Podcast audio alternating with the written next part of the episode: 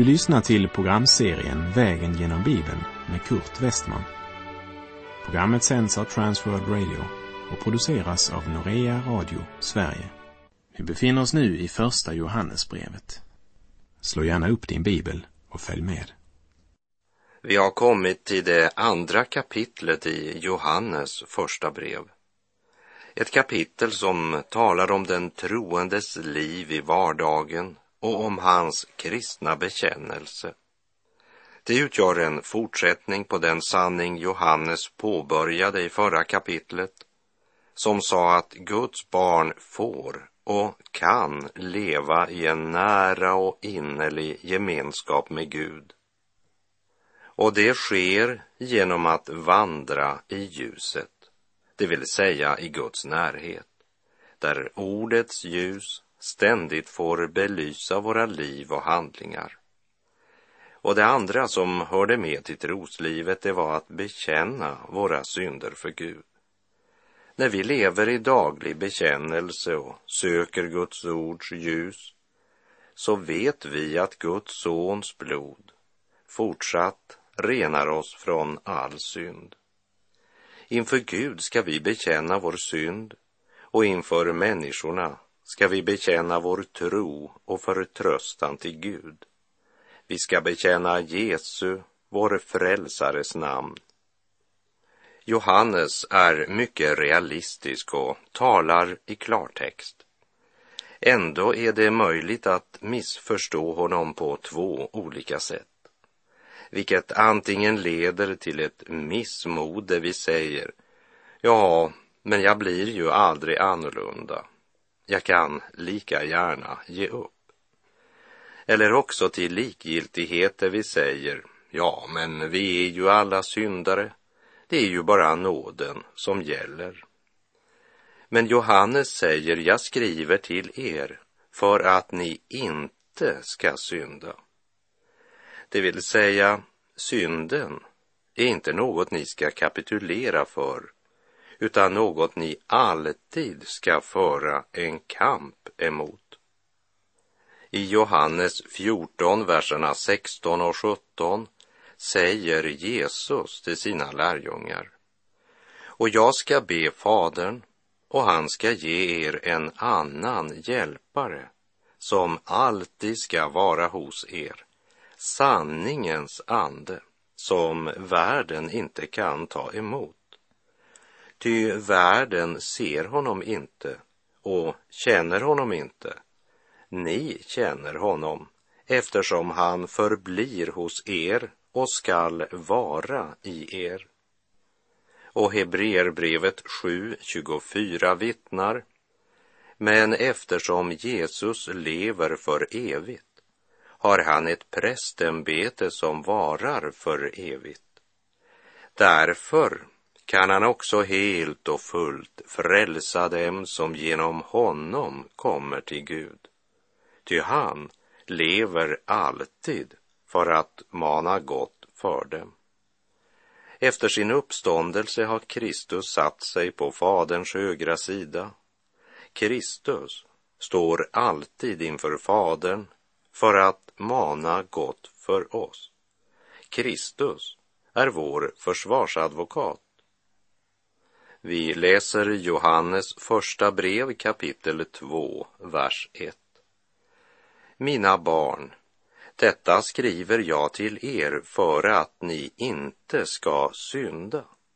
Men om någon syndar har vi en som för vår talan inför Fadern, Jesus Kristus som är rättfärdig.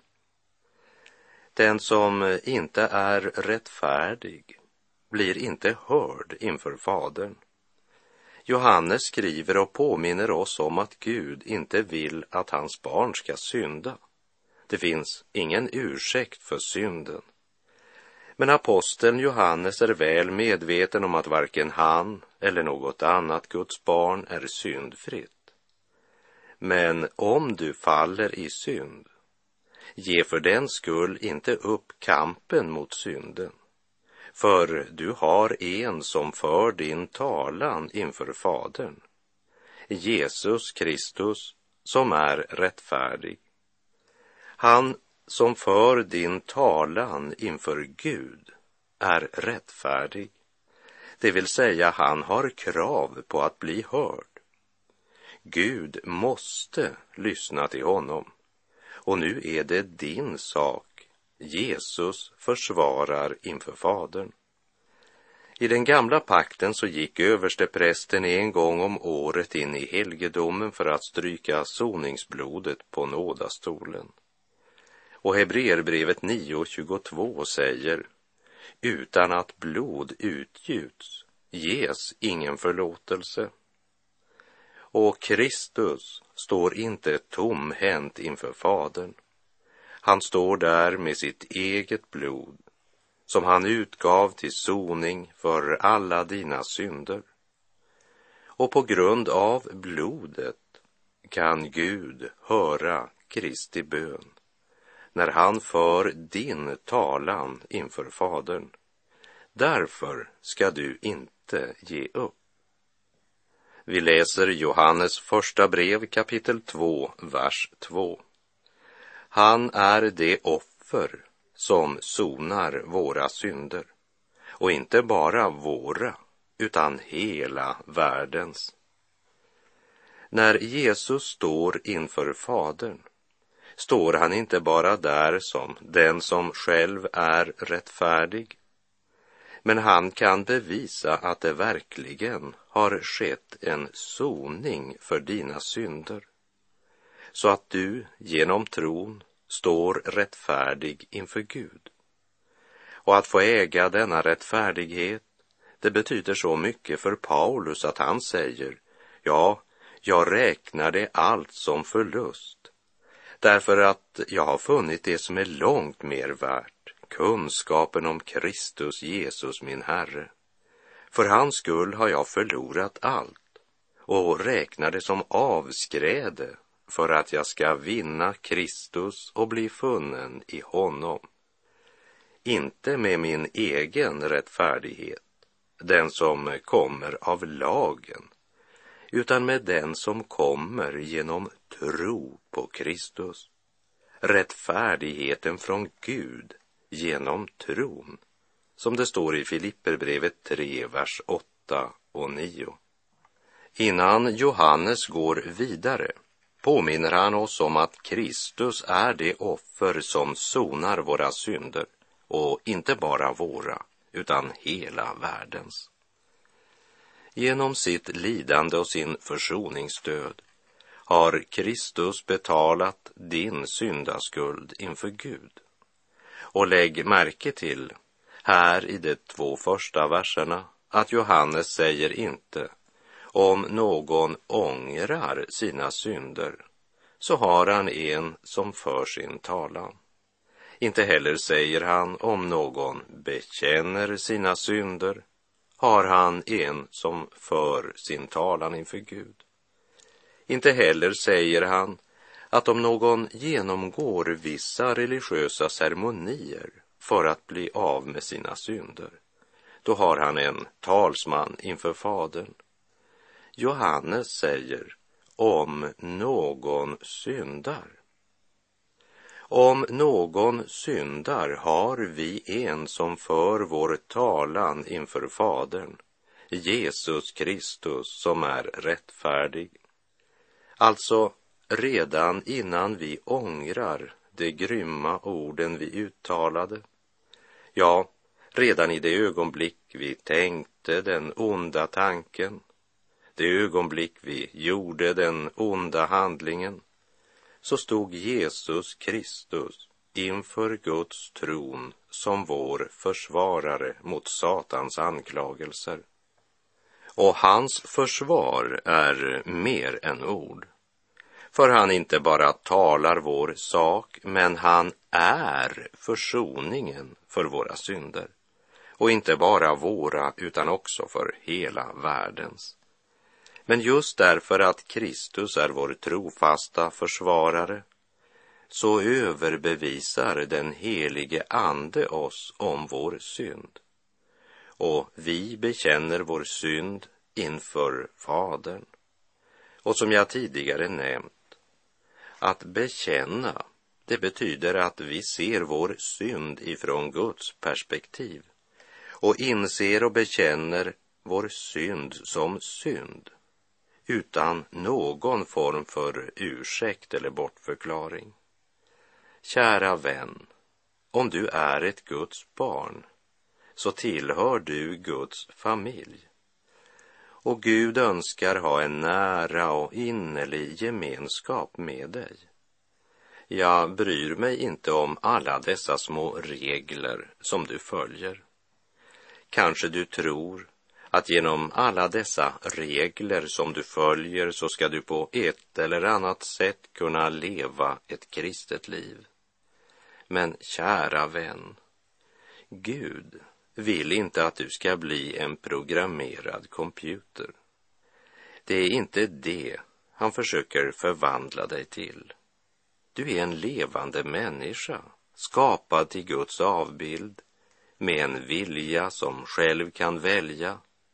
Men du är medlem i hans familj och han vill att du ska leva i gemenskap med honom och du kan tala med honom om allt.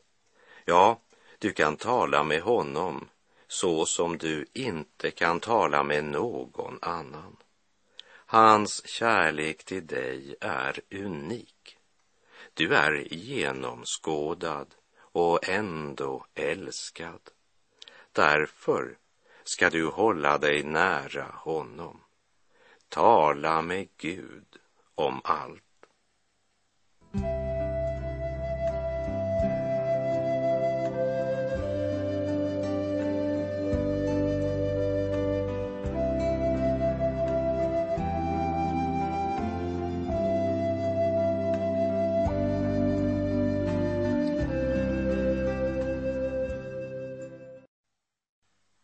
Helt fram till kapitel 2, vers 2 så har Johannes talat om Gud som ljuset. Och han har sagt att om den fullkomliga glädjen ska bli vår så är receptet helt enkelt vandra i ljuset. Nu går han vidare och talar om Guds kärlek och hur hans kära barn ska leva i gemenskap med varandra. Tidigare talade han alltså om att vandra i ljuset. Nu är temat vandra i kärlek. Kärleken är själva pulsen i Johannes brev. Ordet älskar finner vi 20 gånger i Johannes brev. Ordet älska nio gånger. Ordet kärlek elva gånger och ordet kärleken elva gånger.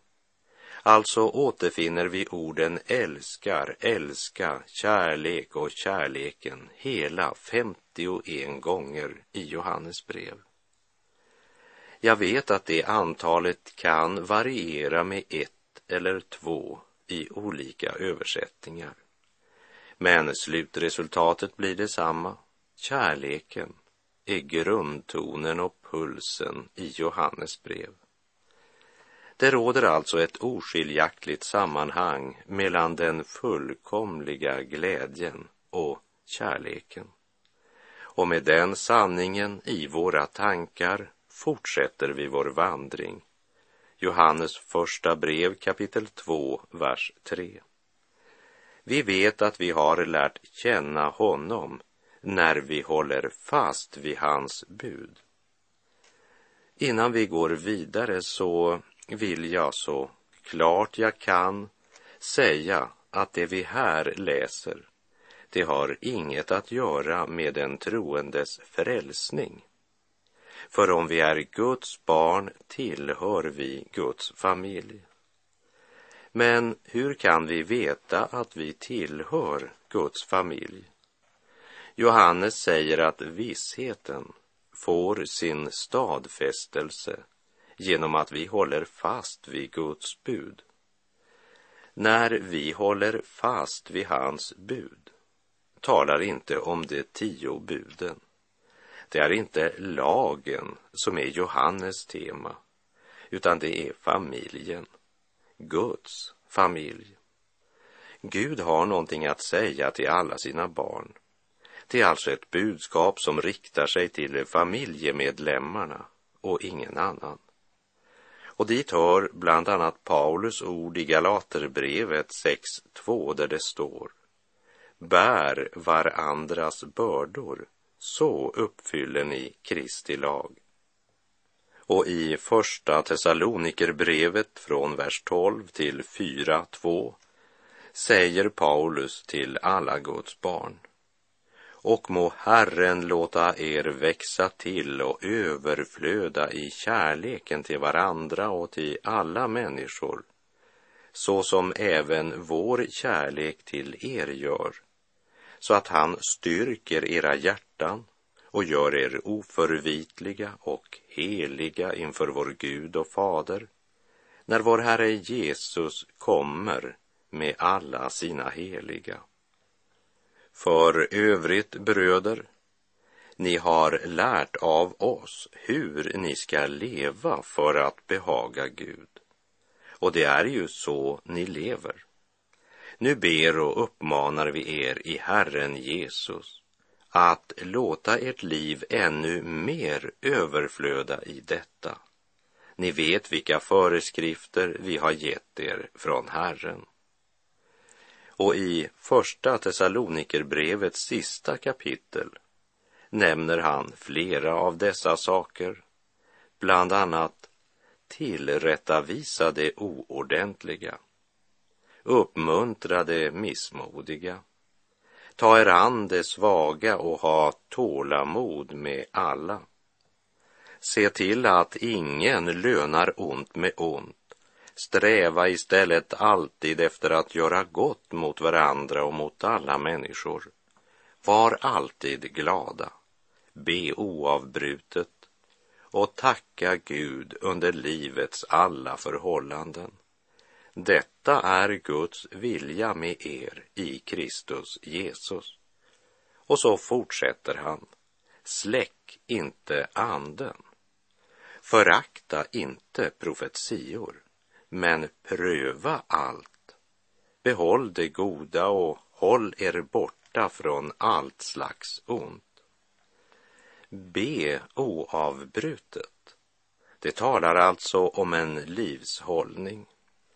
Vi ska komma ihåg att Johannes brev var och är evangeliets svar på gnosticismen som gav sig ut för att ha en överlägsen kunskap som ingen annan hade men som egentligen inte var något annat än en villolära. Aposteln Johannes säger att vad det egentligen handlar om är att känna Herren Jesus Kristus och älska honom. Och vad är kännetecknet på att vi känner honom? Det är en viktig fråga eftersom det finns så många som vet att den som tillhör Jesus aldrig ska gå förlorad men som samtidigt inte har någon visshet om sin egen eviga salighet. Och orsaken är, enligt Johannes, uppenbar. Vi kan inte äga någon visshet om vi lever i olydnad mot honom. Lydnad för Kristus är själva kärnan i det Johannes talar om. Du kan inte äga den fasta övertygelse denna gudgivna visshet. Du kan nog inbilla dig genom att se mellan fingrarna, men du kan aldrig äga denna inre hjärtats fasta överbevisning om du inte håller Jesu bud. Johannes första brev 2, vers 4. Den som säger, jag känner honom och inte håller fast vid hans bud, han är en lögnare och sanningen finns inte i honom. Mera rakt på sak kan det knappast sägas. Och låt oss påminna varandra att det är aposteln Johannes som säger det. I vers 3 sa Johannes, vi vet att vi har lärt känna honom.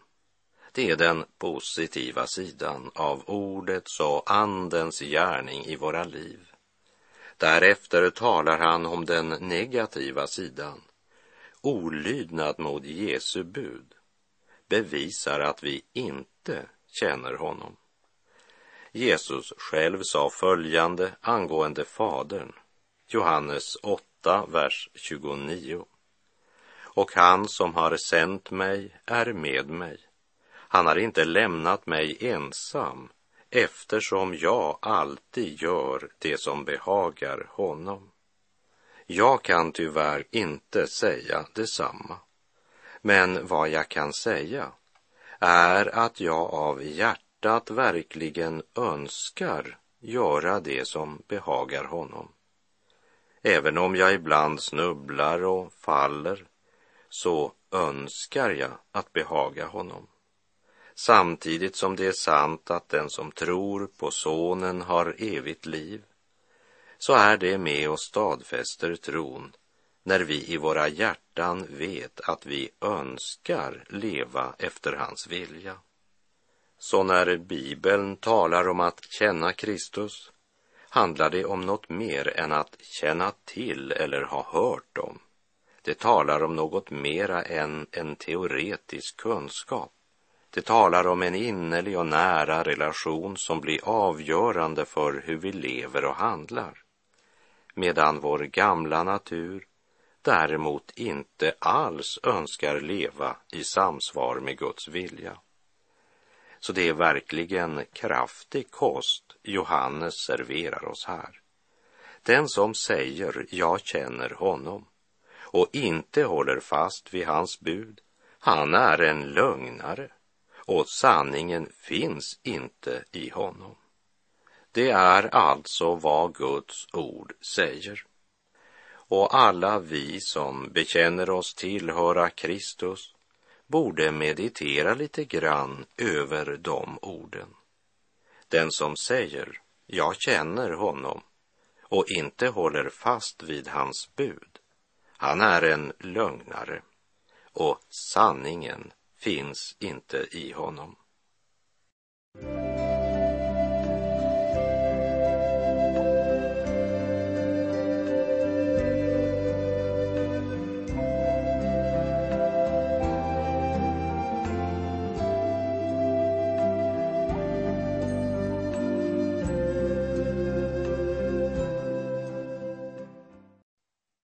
Vi läser Johannes första brev kapitel 2, vers 5.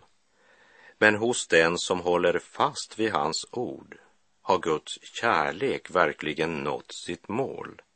Så vet vi att vi är i honom. Även om de tio buden är en del av Guds ord så är det viktigt att vi lägger märke till att Johannes inte säger den som håller fast vid hans bud utan håller fast vid hans ord. Genom Guds ord och Andens uppenbarelse växer vår kunskap och kunskapen visar sig i lydnad. I Johannes kapitel 14, verserna 15 till 17 säger Jesus Om ni älskar mig håller ni fast vid mina bud och jag ska be Fadern och han ska ge er en annan hjälpare som alltid ska vara hos er, sanningens ande, som världen inte kan ta emot. Ty världen ser honom inte och känner honom inte. Ni känner honom, eftersom han förblir hos er och skall vara i er. Guds ord innehåller bud, men Guds ord är långt mera än bara bud. Guds ord samlade vittnesbörd i Gamla och Nya testamentet uppenbarar Guds vilja på många olika sätt. Ordet uppenbarar Guds vilja och mening med våra liv. Jesus själv säger i Johannes 13, vers 34 och 35. Ett nytt bud ger jag er, att ni ska älska varandra. Så som jag har älskat er ska också ni älska varandra. Om ni har kärlek till varandra ska alla förstå att ni är mina lärjungar. Där detta, att hålla fast vid Guds ord, verkligen blivit en livshållning, där blomstrar kärleken mellan trossyskonen. även om vi inte tillhör samma församling eller samfund. Om man inte älskar sina trossyskon så håller man inte fast vid Guds ord. Man kanske studerar Guds ord, nickar bifallande, ja, kanske till och med försvarar Guds sanningar. Men det är därmed inte sagt att man håller fast vid Guds ord. Det är så många kristna i vår tid som tycker det är viktigt att de är vidsynta och öppna och som därför å ena sidan är emot whisky eller vodka men samtidigt dricker de öl eller vin, vilket ger dem en känsla av att vara vidsynta. Men de tycker naturligtvis att jag är fruktansvärt trångsynt. Men det är inte en fråga om en sak är rätt eller fel. Jag hoppas du har passerat det stadiet, kära vän. Frågan är om det behagar min himmelske fader. Målet är inte att balansera vid gränsområdena för vad jag som ett Guds barn kan tillåta mig. Men frågan är, är målet att det jag nu väljer att göra är till behag för min himmelske far? Jag vill göra det som behagar honom. Kanske är det dags för en inventering. Hur står det till i ditt hjärta? Vilken inställning har du till synden? I vilken atmosfär trivs du bäst?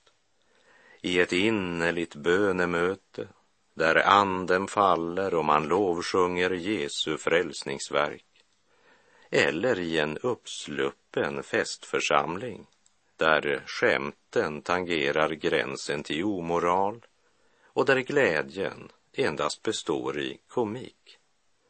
Inte missförstå nu, så att du tror att ju allvarligare man är, desto andligare är det. För Gud är allting skapare och humorn är en del av hans underbara verk. Men låt oss komma ihåg att Satan och vår Herre har inte samma humor. Inte heller samma mål med våra liv. Satans mål är att öka ditt begär och beröva dig den tillfredsställelse som finns i den nära gemenskapen med den helige Gud. Guds tanke med dig är att ditt begär ska komma under trons lydnad och att din tillfredsställelse ska växa. Håll fast vid Guds ord så att Guds kärlek får nå sitt mål i ditt liv.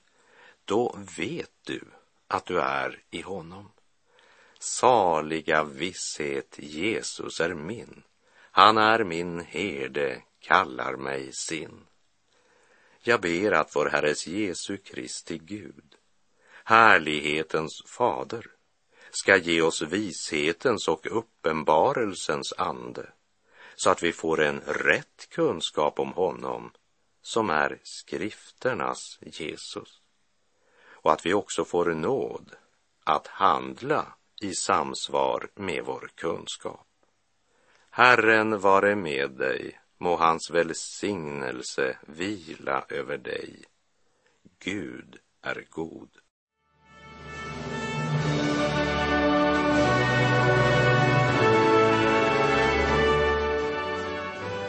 Du har lyssnat till programserien Vägen genom Bibeln med Kurt Westman som sänds av Transworld Radio. Programserien är producerad av Norea Radio Sverige. Om du önskar mer information om vårt radiomissionsarbete så skriv till Norea Radio Sverige, box 3419 103 68 Stockholm.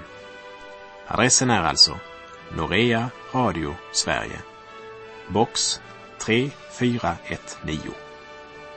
Postnumret 10368 Stockholm.